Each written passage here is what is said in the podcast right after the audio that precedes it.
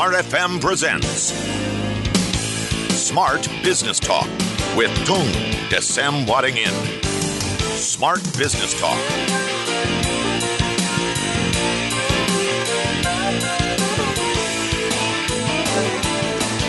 Ada banyak pilihan untuk berbisnis yang ada di sekitar kita, tetapi tidak semuanya tahu mana bisnis-bisnis yang layak untuk dipilih, dipertahankan, begitu ditekuni. Uh, bukan saja sekedar karena uh, kita suka, tetapi kemudian ini menjanjikan di masa yang akan datang. Saya Ola Nurlija dalam Smart Business Talk. Saya bersama dengan Mbahnya Dahsyat. Selamat pagi, Fatu. Pagi yang dahsyat, Mbak. Oke. Pagi yang dahsyat juga smart listener seluruh jagat raya yang saya cintai. Dan juga sahabat Sonora. Ya, sahabat Sonora juga yang saya cintai. Oke. Pagi-pagi udah ngomongin cinta. Iya, hidup tanpa cinta adalah hampa. Wede.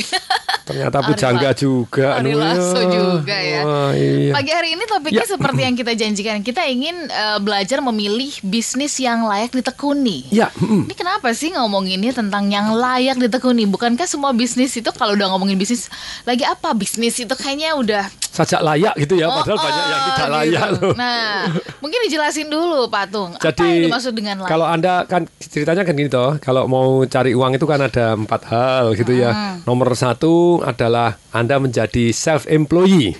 Kemudian yang kedua anda istilahnya jadi karyawan gitu ya. Jadi employee, self employee, kemudian business owner, kemudian investor. Nah dari sudut ini sebetulnya mana sih yang layak anda tekunin yang menghasilkan uang tadi bukan hanya sekedar bisnis Anda jadi employee jadi self employee kalau menurut saya Anda jadi self employee ataupun menjadi employee mempekerjakan diri sendiri bedanya apa sih self employee dengan pebisnis bedanya kalau ditinggal selama satu tahun bisnis Anda tambah gede atau tam- tambah, Tambah- kecil Oke. kalau tambah kecil berarti Anda self employee harus ada Anda Ya. kalau tambah gede Anda tinggal setahun itu bisnisnya tambah gede berarti itu bisnis yang jalan tanpa Anda. Nah, Oke. pertanyaan kalau kita mau memilih bisnis, baik even Anda self employee ataupun employee yang Anda bekerja ikut bisnisnya orang lain, mana yang layak ditekunin? Kalau Anda sebagai karyawan memilih sebuah bisnis yang mau ditekunin sebagai karyawan, gitu ya, Anda di dalam inside the business, begitu, cari yang Anda bisa belajar, Anda yang bisa bertumbuh di bidang yang Anda inginkan. Maksudnya, kalau Anda misalnya kepingin punya galangan kapal, ya kerja di bidang yang dekat-dekat galangan kapal sana. Yang nyambung ya gitu. Iya, Pengen punya galangan kapal tapi ini lagi merintis usaha uh, fried chicken. ya boleh juga. Pertanyaannya boleh juga. An- Anda layak tekunin nggak fried chicken Anda? Menurut saya boleh selama itu bisa didelegasikan dengan baik. Mm-mm, mm. Jadi secepat mungkin Anda cari orang yang peace, Bis, peace, PIS, peace. yang membuat kita damai. Peace. Oh oke. tapi singkatnya PIS yang punya passion, punya integrity, punya skill. Kemudian Anda harus secepat mungkin orang tadi ataupun diri Anda membuat satu yang namanya sistem. Sistemnya apa? MKS. Kalau Anda misalnya mempunyai bisnis. Kalau itu bukan bidang yang Anda ingin layak ditekuni gitu loh ya. Kayak contohnya tadi, saya mau pengen punya galangan kapal, usaha fresh chicken boleh nggak? Boleh, kenapa tidak? Selama itu menghasilkan, why not? Makanya banyak orang kan heran, Pak Tong ini loh, setahun buka 51 laundry, wong edian ngono. Dan orang kan memandang rendah, hah? Laundry gitu ya. Eh, Partner saya rendah, hah? Laundry gitu ya. Ter- Ternyata eh, dia kan perusahaan gede sekali, dia direktur marketing di sebuah perusahaan top. Nah, marketingnya eh, bukan, manajernya dia keluar itu buka laundry saya penghasilannya 50 juta sebulan. Jadi didatangi lo kok kamu keluar? Lo saya di sini gaji 15 juta. Ini buka laundry dua 50 juta sebulan. Jadi keluar ngapain? Jadi pertanyaan apakah Tung di Semparing itu seneng cuci-cuci? Enggak sih gitu ya. Apakah seneng tentang laundry? Enggak sih. Tapi ini menghasilkan. Nah apakah layak saya tekunin? Layak karena tujuan saya beda. Ya, bukan saya suka terhadap laundrynya ya. tapi saya punya tujuan supaya saya bisa membantu saudara saya, membantu karyawan saya, membantu partner-partner saya, supaya mereka punya passive income. Ya, Di dalam kesempatan ini bisa membantu murid-murid saya punya passive income. ya. Jadi laundrynya makin lama makin modern nanti lo koin terus kemudian pakai aplikasi bisa begini. Jadi canggih dan saya tahu marketing revolution makanya kalau nonton di Instagram saya tung di begitu ya. Nah ini sudah live juga tung di. Anda banyak sekali melihat bagaimana laundry laundry saya buka ramenya nggak karu-karuan. Jadi seperti kayak pasar malam. Nah pertanyaannya layak ditekuni nggak? Layak karena tujuan saya membantu orang. Jadi berangkat sebenarnya Tujuan eh, Anda apa dulu? Ya, ketika kita eh, ingin menekuni sebuah bisnis ini layak ditekuni apa enggak dilanjutkan atau tidak adalah Apa impian Anda? apa? Oke. Tujuan Anda punya bisnis apa? Saya cari bisnis yang eh, misalnya oh ya Pak tadi menghasilkan uang banyak boleh nggak? Boleh tuh manusia kan punya goal masing-masing. Nah, tapi ada bisnis-bisnis yang tidak layak Anda tekunin dan tidak mungkin menghasilkan Hmm, uang yang Anda kejar. ya. repot dan contohnya tantangannya orang ketika dia mau punya bisnis atau kerja itu tantangannya nomor satu yang paling parah itu adalah mereka kepengen kaya. Hmm. lupa bapak ini Loh, bukannya ya, yang ngajarin pertanyaan- kaya iya, pertanyaannya emang kita nggak boleh kaya nih kan? Banyak Boleh. orang yang bertanya kayak gitu. boleh tapi kalau pertama kali titik anda kepengen kaya apa yang terjadi? Banyak sekali barang-barang tidak halal anda kerjakan Hmm, karena tujuannya semata-mata adalah ingin kaya. Nah, jadi nomor satunya itu adalah angka banyak yang layak ditekunin, yang bawa manfaat untuk orang banyak terlebih dahulu. Oke, jadi un- un- ujungnya atau intinya ketika bisnis apa pun kita tekuni dan eh, tadi Pak Tung sudah memberikan satu indikator gitu loh ya, bisnis yang layak ditekuni adalah satu bisnis yang eh, secara income menghasilkan dan kemudian ini berdampak nggak buat banyak orang, Yes. gitu ya, ada hasilnya nggak gitu Iya. ya buat orang lain juga, bukan cuma buat sekedar diri sendiri. Karena uang adalah alat tukar nilai tambah. Hmm. Jadi kalau kita membuat nilai tambah, tapi nilai tambahnya bukan karena Anda buat masalah dulu. Hmm. Oke. Jadi kan banyak yang yang yang sekarang ini katanya mau digasain oleh pemerintah gitu ya. Jadi sudah tidak pandang bulu lagi karena begitu banyaknya sampai Kapolri juga ngomong gitu ya Pak Tito ngomong. Nah, mau di tim buatin saber lagi gitu yang karena banyak banyak mestinya ya memang betul sih saya setuju gajinya dinaikin tinggi aja deh Apakah ataupun kalau gaji tinggi sudah kemudian Terus kemudian dibuat sistem, dibuat sistem sedemikian sehingga kalau misalnya mereka cepat, mereka dapat insentif dia. Jadi insentifnya itu insentif halal. Hmm. Jadi bukan diperlama, terus kemudian ada yang dari luar negosiasi. Gimana? Mau saya bantu dipercepat? nah kemarin kita ngurus izin-izin kan seru gitu ya. Ini ada asisten saya, ada Pak Dimas Halono, ada Vian ini di Laruno juga ini. eh, ada ada hal-hal tertentu yang yang yang hari ini memang masih ada gitu. Jadi memang dipersulit, kemudian ada yang dari luar deketin, Ya. Pak mau dibantu. Dibantu. Nah, kalau bisa di kalau bisa dipersulit kenapa yang dipermudah gitu ya karena Punya mempersulit mendapatkan uang. Ya ya. Mempermudah karena mempersulit dulu itu kan Iya.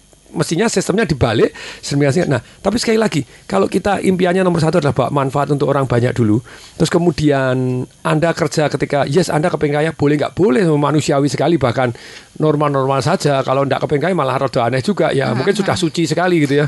Tapi zaman dulu nabi-nabi juga kaya raya loh gitu ya. Iya. Nabi Muhammad kaya aja juga. Jangan tanya Nabi Sulaiman waduh itu ya. Jadi banyak sekali nabi-nabi yang boleh kok jadi kaya. Oke. Ini pertanyaannya begini lagi kalau anda milih kerja bisnis yang layak ditekunin. Problemnya apa? Banyak orang tidak milih lagi. Apa yang dia tekuni sekarang sebetulnya gini loh. Yang yang yang yang harusnya layak ditekunin tadi toh nomor satu bermanfaat untuk orang ya banyak. Yang kedua menghasilkan hal-hal yang anda inginkan inginkan. Termasuk saya misalnya nekunin laundry bisa membantu banyak orang. Oke. Patung sampai di situ dulu kita jeda sebentar, smart listener dan juga sahabat yang bergabung. Kita sedang memba- membahas mengenai memilih bisnis yang layak untuk ditekuni. Ini bukan berarti terus menyuruh semua orang keluar gitu ya dan kemudian jadi pebisnis. Karena kalau semua jadi pebisnis juga nggak ada karyawan yang bekerja, repot juga. Karena semuanya kan memang harus menjadi mata rantai yang saling eh, berkaitan, kira-kira seperti itu. Smart Business Talk. Smart Business Talk with Tung Desem Wadingin. Smart Business Talk. Smart Business Talk with Tung Desem Wadingin.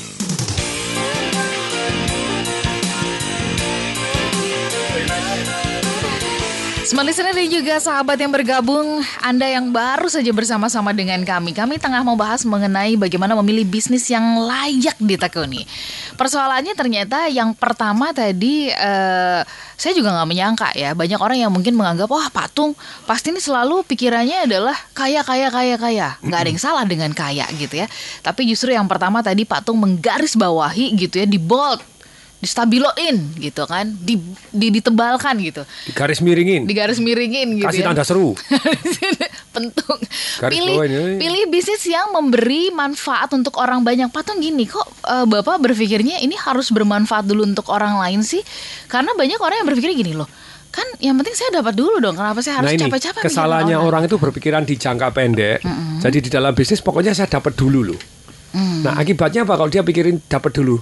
Dia tidak peduli, tidak menguntungkan untuk orang lain, tidak peduli. Oke, ini berkaitan dengan soal kecerdasan emosi ya. Pak Tun kita sambung lagi. Tadi Bapak Ya. mengingatkan gitu ya bahwa ya ini kesalahannya banyak orang yang belum apa-apa udah mikirnya adalah bagaimana memperkaya diri sendiri gitu. Lupa bahwa bisnis itu itu ada di kerumunan, ada di tengah-tengah orang yang harusnya itu bermanfaat dulu buat orang. Jadi prinsip di dalam hidup itu kan sering dengar tau win-win. Mhm. Tetapi itu ada empat level. Yang satu lus-lus ya, Hmm. kamu sikat-sikatan udah hancur dua-duanya. Hmm. Itu kalau sudah harga diri gugat-gugatan ya dua-duanya biasanya hancur gitu ya. Hmm. Terus kemudian yang itu nomor empat. Yang nomor tiga adalah win-lose. Satu win-lose.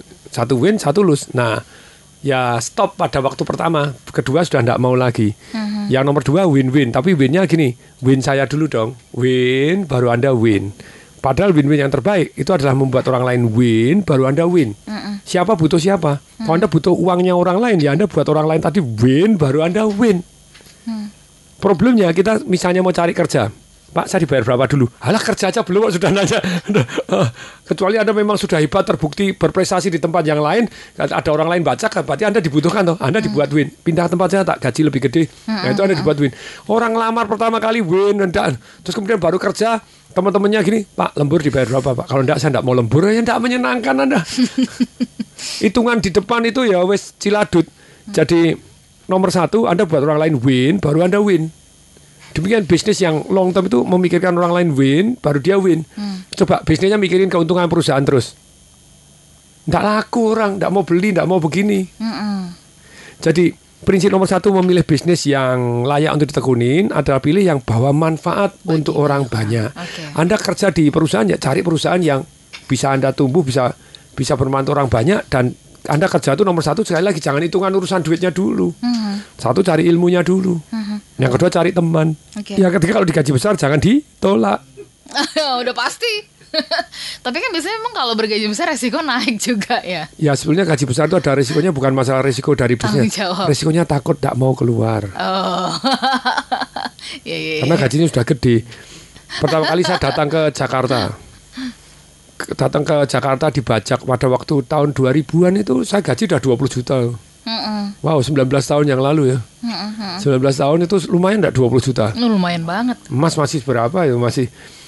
Eh, Terus kemudian waktu 20 juta teman saya yang punya showroom di Kelapa Gading gede gitu datang gini dia nanya tuh gajimu berapa? Kan rahasia atau enggak boleh ngomong karena waktu itu masih oh iya no kira-kira 20 juta ada enggak no, dia cuma cuma cuma nebak-nebak. Dalam hati saya pas no, kok hebat menan Terus kemudian dia ngomong gini susah ya. Oh, kamu 20 juta susah keluar ya? Sambil senyumnya agak sinis itu. Asem nih gitu ya. Karena dia eh, satu bulan minimal 30 mobil satu mobil untungnya 30 juta 20 juta minimal 10 juta orang rata 20 juta ya 600 juta sebulan Oke. jadi bagi kita besar bagi orang lain belum tentu besar Belum tentu besar. kayak saya nulis di buku saya work, eh, di sini adalah work, Work less less and and more. more. Di sini jadi pembicara tidak semua pembicara bisa menghasilkan satu juta dolar ke atas. Di sini ditulis per tahun. Apa saya ngomong per tahun? Tidak pernah saya ngomong per tahun. Sekali bicara, Sekali bicara. tidak semua pembicara bisa menghasilkan satu juta dolar sekali bicara. Siapa yang dua orang yang berhasil mencapai itu? Satu Anthony Robin, yang kedua adalah Donald Trump dulu sebelum jadi presiden. Setahun cuma ngomong 12 kali, ngomongnya satu kali cuma satu jam, satu juta dolar sekali ngomong. 12 kali berarti sebulan satu kali ya? Iya, dia jatahin itu aja. Pokoknya saya Oke. setahun mau ngomong 12 kali. Tak jatah siapa pun mau bayar saya satu juta dolar. Siapa pun yang mau diundang di mana satu juta dolar dulu.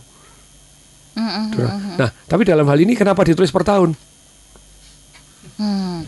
Mungkin karena nggak percaya kali Nah ya. iya, levelnya enggak percaya. Iya betul. Nah kayak kemarin eh, kita baru setelah takjak ketemu sama orang dahsyat yang jualan properti triliun-triliunan hanya dalam waktu enam bulan begitu ya. itu kayak kacang goreng Iya ya. jualan tanah 2 hektar 250 miliar orang beli 4 hektar beli 6 hektar itu kan seru banget tuh Itu beli kok kayak beli inian ya. oh ya ada yang 1,2 triliun belinya enteng saja Oh gesek satu Gesek miliar. satu Nah, kalau itu miliar, saya gitu. juga bisa. no.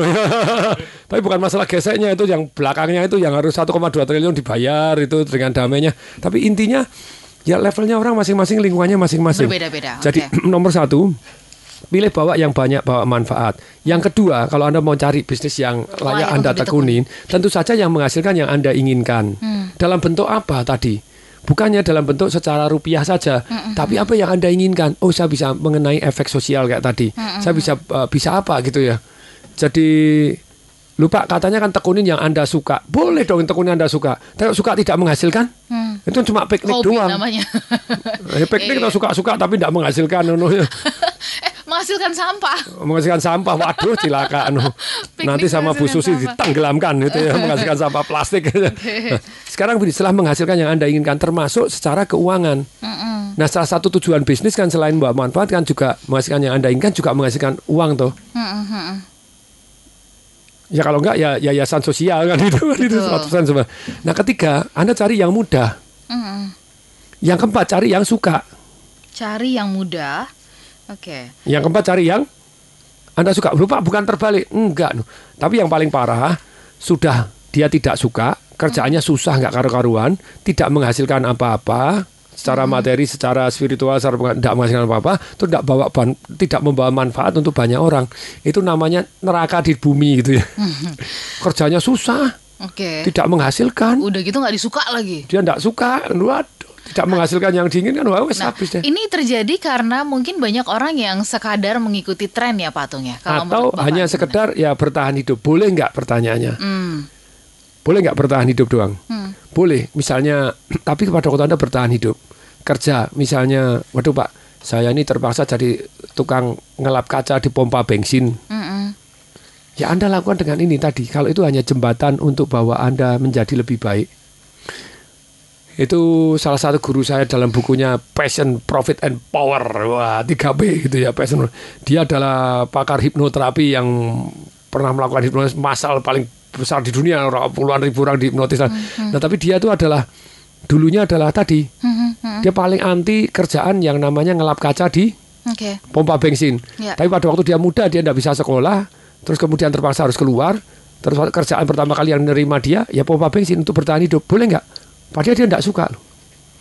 Tapi juga bawa manfaat, tapi manfaatnya tidak bisa kepada orang banyak, hanya sedikit-sedikit yang datang. Tapi dia mengerjakan dengan ini tadi, bisa dipercaya, antusias luar biasa, dengan ceria, bukan antusias tapi mulutnya merengut-merengut, ngomel-ngomel, enggak, antusias tapi dengan ceria, dengan Oke. semangat, bisa dipercaya dan dia siap-siap. Apa yang dilakukan? Begitu mobil datang dia lapin, dia mau hilang. Sampai satu hari ada satu ngelapinya dengan siu dengan semangat, dengan Hmm, ceria, dengan gini. Satu hari orang ngamatin. Kenapa begitu banyaknya beberapa karyawan yang nongkrong-nongkrong, dia Hmm. Hanya setiap dia datang yang- dia semangat langsung ngelap, ngelap, ngelap, Oke. ngelap. Sampai ditanya, Dek, kamu umur 16 sebenarnya, loh, kamu ini digaji berdasarkan komisi atau gimana kok cepat sekali semangat gitu? Hmm. Enggak, kok semuanya gajinya sama. Loh, apa kamu dipelonco sama yang dewasa-dewasa yang gede-gede sana? Hmm, Jadi kamu enggak kok. Satu punya prinsip kalau kerja tuh ya harus semangat, harus harus ceria. Oh, no. Seneng tuh orangnya. Ikut saya deh. Loh, kamu di eh, Bapak di perusahaan apa? Oh, saya punya radio. Wah, dikirain dia mau jadi penyiar gitu ya. Ya, oh, boleh, Pak. No. Kamu dikali gaji berapa? Sini tak gaji dua kali lipat. Loh, langsung digaji dua kali lipat. Oke. Pindah di tempat radio, ternyata bagian bersih-bersih lagi dia. Nggak apa-apa kan, tapi udah naik gitu kan. Naik gaji. Nah, itu Oke. bagaimana akhirnya dia jadi penyiar, akhirnya Iya, jadi iya. gini, ada ceritanya. Oke. Smart Business Talk. Smart Business Talk with Tung Desem Wadingin. Smart Business Talk. Smart Business Talk with Tung Desem Wadingin. Smart listener dan juga sahabat yang bergabung sebelum kita sambung apa yang tadi disampaikan oleh Patung ya ada kurang lebih ada enam prinsip sebenarnya ya cara kita memilih eh, bisnis yang layak untuk ditekuni. Tapi sebelum eh, kita ke SMS dan juga WhatsApp kita tuntaskan dulu penjelasannya supaya nanti nggak menggantung ya. Ya. Yang keempat tadi, yang ketiga adalah cari yang mudah. Yang keempat cari yang anda suka. Yang kelima eh, sebelum saya tajamkan eh, mengenai yang mudah ini saya juga penasaran. Yang kelima apa sih Patung? Yang kelima itu setelah Anda cari perusahaan yang seperti ini, jadi Anda tes review toh, menghasilkan gaya hidup yang Anda inginkan, cari yang mudah, cari yang suka. Kemudian yang kelima cari perusahaan atau orang yang sudah mencapai yang Anda inginkan. Oke. Anda kerja ke sana dulu atau bekerja sama atau mempekerjakan orang tersebut. Tergantung posisi Anda. Bisa nggak Pak kita nggak punya duit langsung posisi mempekerjakan orang yang lebih sukses ataupun yang sudah berhasil di bidang yang kita ingin bisa. Oke. Kalau Anda tipenya leader, Anda kumpulkan orang-orang yang tidak bisa inisiatif atau belum inisiatif, padahal dia punya kemampuan yang lebih dibanding yang Anda mau, dan Anda bisa. Hmm. Salah satu contoh lah, saya pada waktu melihat misalnya ada orang-orang tertentu dia bisa misalnya jadi makelar tuh, makelar yang di mana dia jadi pemimpin perusahaannya. Hmm. Makelar yang di mana itu ada satu orang yang di Malang akhirnya hotelnya pada waktu itu saya beli terus kemudian tahun lalu saya jual gitu ya ini belum bayaran ini semoga segera bayaran gitu ya Asik. Ada uang denger nih. Yeay, ada uang denger. Salah ya.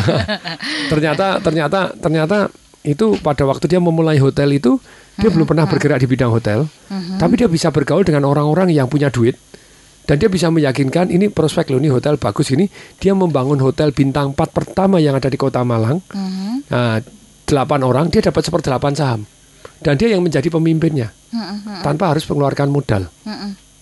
Jadi dia bisa mempekerjakan orang yang untuk bangun hotel, untuk begini, yang itu itu keren. Wah, sekarang punya perusahaan begitu luar biasa banyaknya itu. Hmm, Oke.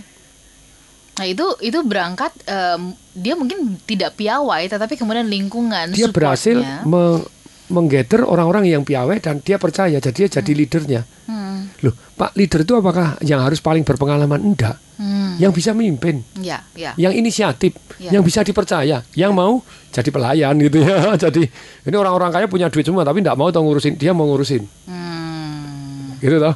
Nah, orang-orang kaya ini enggak mau repot toh, dia mau repot. Ternyata ya. Berarti ini ini seenergi banget. Saya sedang membuat sebuah tulisan pendek yang namanya leader itu eh, untuk kemudian menunjukkan kebesarannya dia justru adalah harus melayani. Ya, itu Ya. leader yang terbaik itu dia melayani dan menyentuh hati yang dipimpin Ya. sampai orang yang dipimpin tadi mau mati demi dia begitu ya. Mau mati bukan karena buta, karena pokoknya dia yang terbaik, enggak karena memang tersentuh hatinya karena pemimpin ini melayani dia gitu ya. Oke, baik. Patung yang keenam eh, karena ada banyak pertanyaan nih yang masuk ke ke ke apa SMS dan juga WhatsApp. Yang keenam apa nih Patung? Yang di mana yang layak Anda tekunin itu yang di mana Anda bisa belajar, Hmm, Anda bisa mendapatkan network, ada unsur belajar di dalamnya. Yang ya? ketiga baru yang dapat duit. Ulangi ya. Nomor satu kalau anda bisnis yang layak ditekuni, nomor satu pilih yang bawa manfaat untuk orang banyak. Baik. Kemudian yang menghasilkan yang anda inginkan, gaya hidup yang anda inginkan, cita-cita anda. Lo anda tekuni, lupa kalau ndak ndak bisa tekuni ya itu istilahnya namanya jembatan atau loncatan batu loncatan silahkan. Ya. Yang ketiga cari yang mudah. Nah, kriteria mudah tadi. Iya betul. Ini yang saya penasaran. Nah, mudah, iya. mudah versi siapa nih? gitu? Nah, mudah itu contohnya seperti apa sih bisnis yang mudah gitu ya. Bisnis yang mudah itu adalah misalnya contohnya Anda sudah punya pengalaman di bidang itu, berarti mudah toh. Atau orang tua Anda sudah punya network, punya jaringan, punya usaha itu. Saya pernah cerita ada satu orang di Bandung dapat warisan pabrik tekstil enggak mau. Saya enggak suka, Pak. Kerja ini enggak suka. Serahkan aku aja. Enggak suka enggak apa-apa kalau sudah mudah dan menghasilkan. Ya toh ya. Oke, iya. Secepat mungkin didelegasikan. Didelegasikan. Pengawasnya yang bagus, manajer yang bagus, kontrolnya yang bagus. Targetnya jelas, kalau tidak mencapai kita ganti orangnya. Tapi kita terima karena sudah mudah. Orang tuanya 30 tahun menjalin network, menjalin suppliernya, jaringan distribusinya, segini. Dikasih warisan tidak mau, goblok. Dengan alasan tidak suka. Loh, oh, di- ini Pak Johan suka enggak kalau dikasih, Pak Johan? Mau suka. Mau loh, mau. Mau dia. Suka, mau. Mas Dimas mau. di sini. Mau tapi belum tentu kita suka. Ya kalau gitu pakai cara yang Iya, tadi itu. tidak suka itu tidak apa-apa. Yang penting mudah kok mudah. Karena sudah jalurnya sudah jalan semua kok. Hmm, sistem sudah ada gitu Itu ya. jadi mudah. Mudah itu kalau ceritanya Pak Renal Kasal itu sudah punya DNA-nya gitu ya. Mielin sudah ototnya. Untuk orang tuanya sudah gini ya. Jadi mudah untuk dia. Ya ototnya sudah sudah hafal. Jadi jalurnya sudah kenalannya memang sudah di bidang itu. Anda tidak suka gak apa-apa. Cepat-cepat didelegasikan, sistem kontrolnya jelas, sistem marketingnya jelas, sistem SDM-nya jelas. Oke. sudah selesai. Anda kerjakan yang Anda suka, tapi kan Oke. itu sudah menghasilkan dulu gitu ya. Nah kemudian setelah suka, yang yang keempat baru suka. Kalau tidak suka kan Anda tidak layak ditekunin juga. Ilu iya dong. Tapi diterima nggak diterima, ditekunin sampai jalan, kemudian bisa kita tinggal kan gitu ya kalau tidak suka. Nah yang Anda suka sehari-hari ter- lanjutkan terus. Oke. Jadi kok bisa harus memenuhi suka, kemudian setelah suka gitu ya. Nah, caranya memilih layak ditekunin. Ya cari istilahnya betul-betul ada patron atau pola dari orang-orang yang sudah mencapai yang Anda inginkan. Itu lebih mudah kita pelajarinya gitu ya. Ya, nah yang nomor enam cari bisnis-bisnis yang apa? Yang bisa Anda terus belajar, terus belajar meningkatkan diri. Kemudian yang kedua bisa mendapatkan kenalan yang jauh lebih banyak lagi. Itu layak ditekunin, Pak. Ini ini belum menghasilkan, Pak. Ini tidak mudah, Pak. Tapi saya suka. Boleh nggak? Boleh. Terus kemudian Anda belajar dulu supaya jadi mudah. Kalau belum belajar kan Anda jadi mudah. Terus dapat kenalan, kalau dapat kenalan kan jadi mudah. Anda bisa mempekerjakan, bisa networking, saling bantu kan gitu ya. Oke. Kemudian yang yang dari yang keenam ini kan ada tiga belajar, kenalan, dapat duit. Hmm. Tetap ya ada, ada eh, setelah kemudian kita eh, Keenam itu ada unsur duitnya juga. Ilo ya iya loh loh, ya masa anda.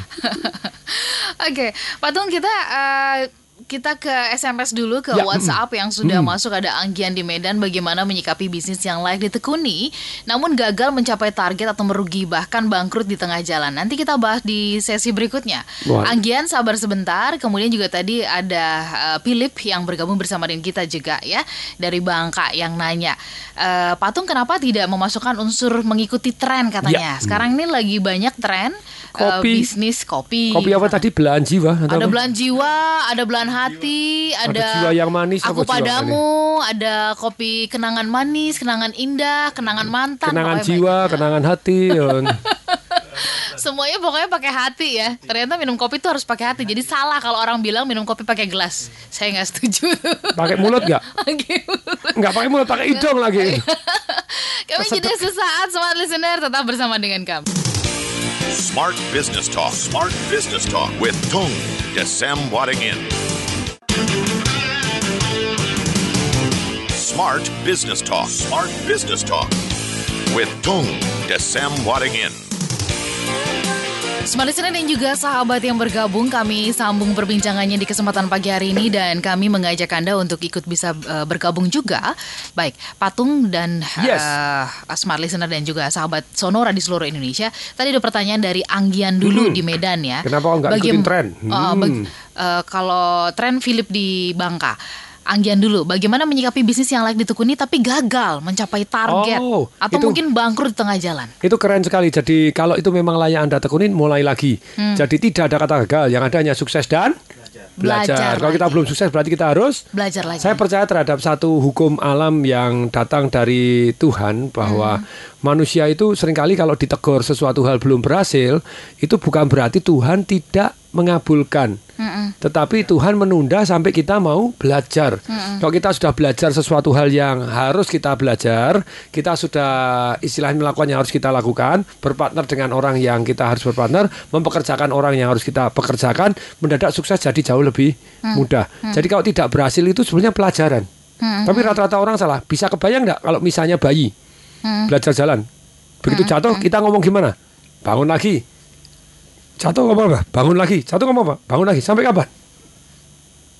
Sampai kemudian kita menemukan pelajaran apa Sampai yang- bisa jalan. Resep ajaib. Makanya Oh iya, 99,99 persen bayi ya selama tidak ada problem terhadap kesehatannya dia secara normal dia jalan. Dia jalan. Demikian juga sebenarnya orang yang bisnis. Kalau anda bangkit lagi, bangkit lagi, bangkit lagi ya pasti bisa bisnis. Hmm. 99,99 persen bisa bisnis. Jadi apalagi kalau itu dia bilang anda layak tekunin. Tapi lihat dulu, Ma, tadi kalau ditanya tren gitu ya. Tren itu kalau sudah orang banyak-banyak ikut-ikutan yang kemarin di Instagram saya ayam dijual tujuh ribu rupiah Hmm. sekilonya di, di sampai diobral kasih gratis di Semarang di Solo Karena harganya lagi turun pada turun kesel. kenapa karena sebetulnya itu kan ikut-ikutan tren wah ayam bagus semua ya Semua ayam ya. terus problemnya gini ketika orang ikut-ikutan tren mereka tidak sibuk membuat nilai tambah. Hmm. kalau anda ikut tren boleh nggak? Boleh. Tapi anda sibuk membuat nilai tambah yang membawa manfaat untuk banyak orang yang orang lain tidak dipunyai. Ketika saya melakukan coach bisnis coach saya tanya kenapa saya harus beli produk dan jasa oh karena enak. Yang lain juga enak. Bukan tempatnya strategis tempatnya yang lain juga strategis. Ada kolam renang ini juga ada kolam renangnya. Apa nilai tambah anda yang tidak ada di tempat yang lain? Yang betul dibutuhkan orang. Kalau anda bisa tajam sekali selesai. Misalnya zaman dulu alat berat caterpillar. Dia punya nilai tambah apa? Harganya lebih mahal dari orang lain, tapi dia punya nilai tambah. Tiga kali 24 jam.